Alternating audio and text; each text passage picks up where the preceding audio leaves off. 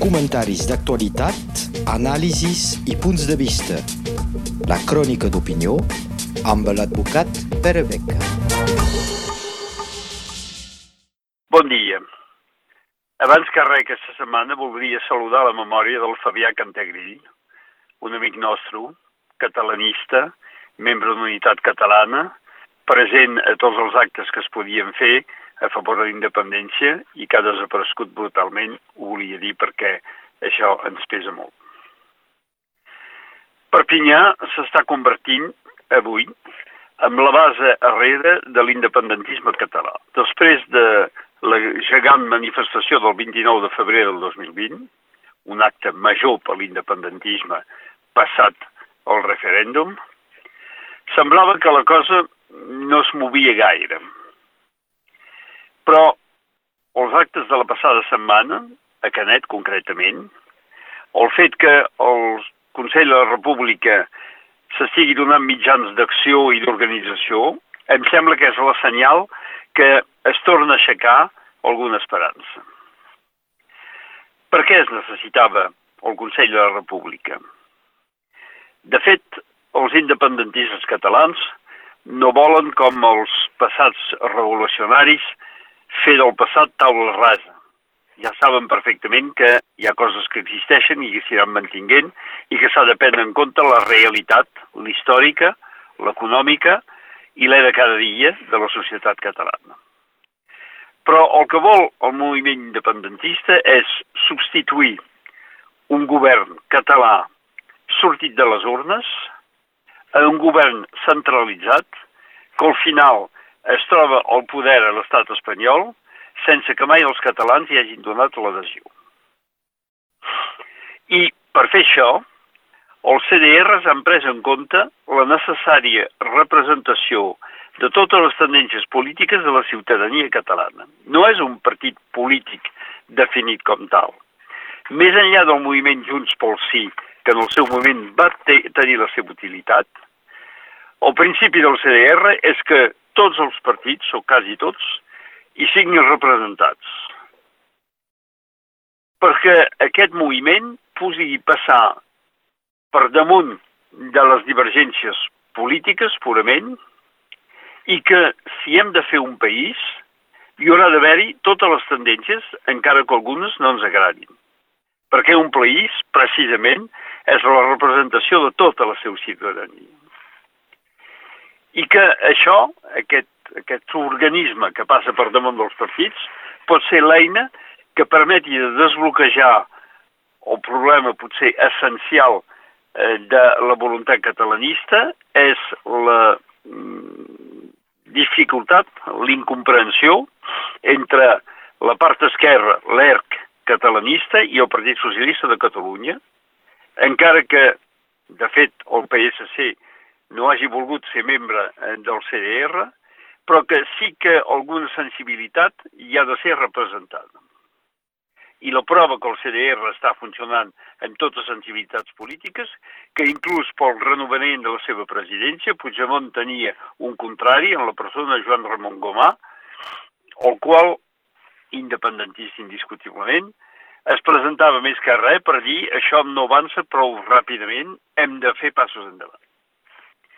És, doncs, una mena de shadow cabinet, com els anglesos ho solen fer o ho solien fer, és a dir, un govern que sigui, si no la rèplica, almenys el pendent del govern existent, per poder explicar, per poder determinar i per poder fer valguer totes les idees que fossin a més de la voluntat independentista. És a dir, que un país s'ha de construir sobre aquesta voluntat, evidentment, d'autogovern.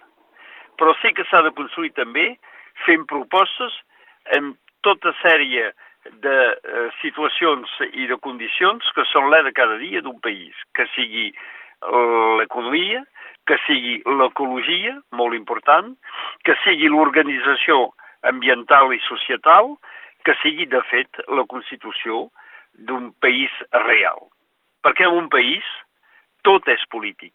Totes les decisions que, poden prendre, o que pot prendre un govern té un sentit polític. I que en aquests moments si a la Generalitat hi ha un govern i si aquest govern està cuidant de tota una sèrie de coses, i amb algunes amb un cert èxit, no contempla la voluntat essencial de la població en aquests moments, és a dir, d'accedir a la independència o d'arribar a que una expressió popular, democràtica, normalment enregistrada a través d'un referèndum, pugui donar el camí per seguir.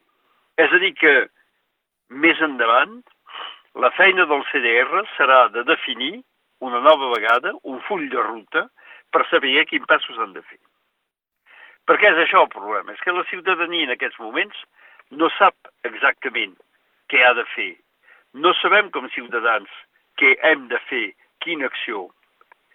I és evident que la construcció d'un programa de govern, un programa de govern català, sortit de la reivindicació d'independència, se farà a través del diàleg i dels compromisos, compromisos no vol dir compromissions, sinó de trobar la via mitjana entre la voluntat de diferents grups de ciutadans.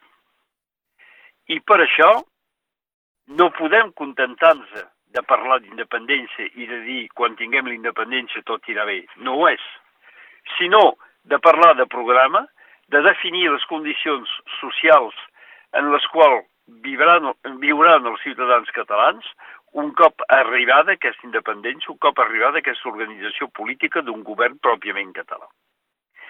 I més que això, la feina del CDR en aquests moments, i entre ells de la delegació de Catalunya Nord del CDR, que comporta amb la Maria Costa una vicepresidenta, la feina és d'arribar a explicar-ho, perquè en aquests moments nosaltres, nord-catalans, ho vivim cada dia.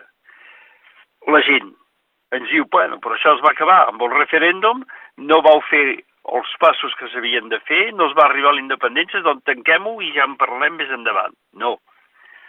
A través de la feina, la gran feina que ha fet la delegació de Catalunya Nord, totes aquestes paradetes pels mercats tot aquest estiu, totes aquestes reunions, totes aquestes manifestacions, tots aquests recordaments que s'han fet, és la feina d'explicar que el problema polític queda viu i que l'hem de resoldre per la via política. Ja sé que és difícil.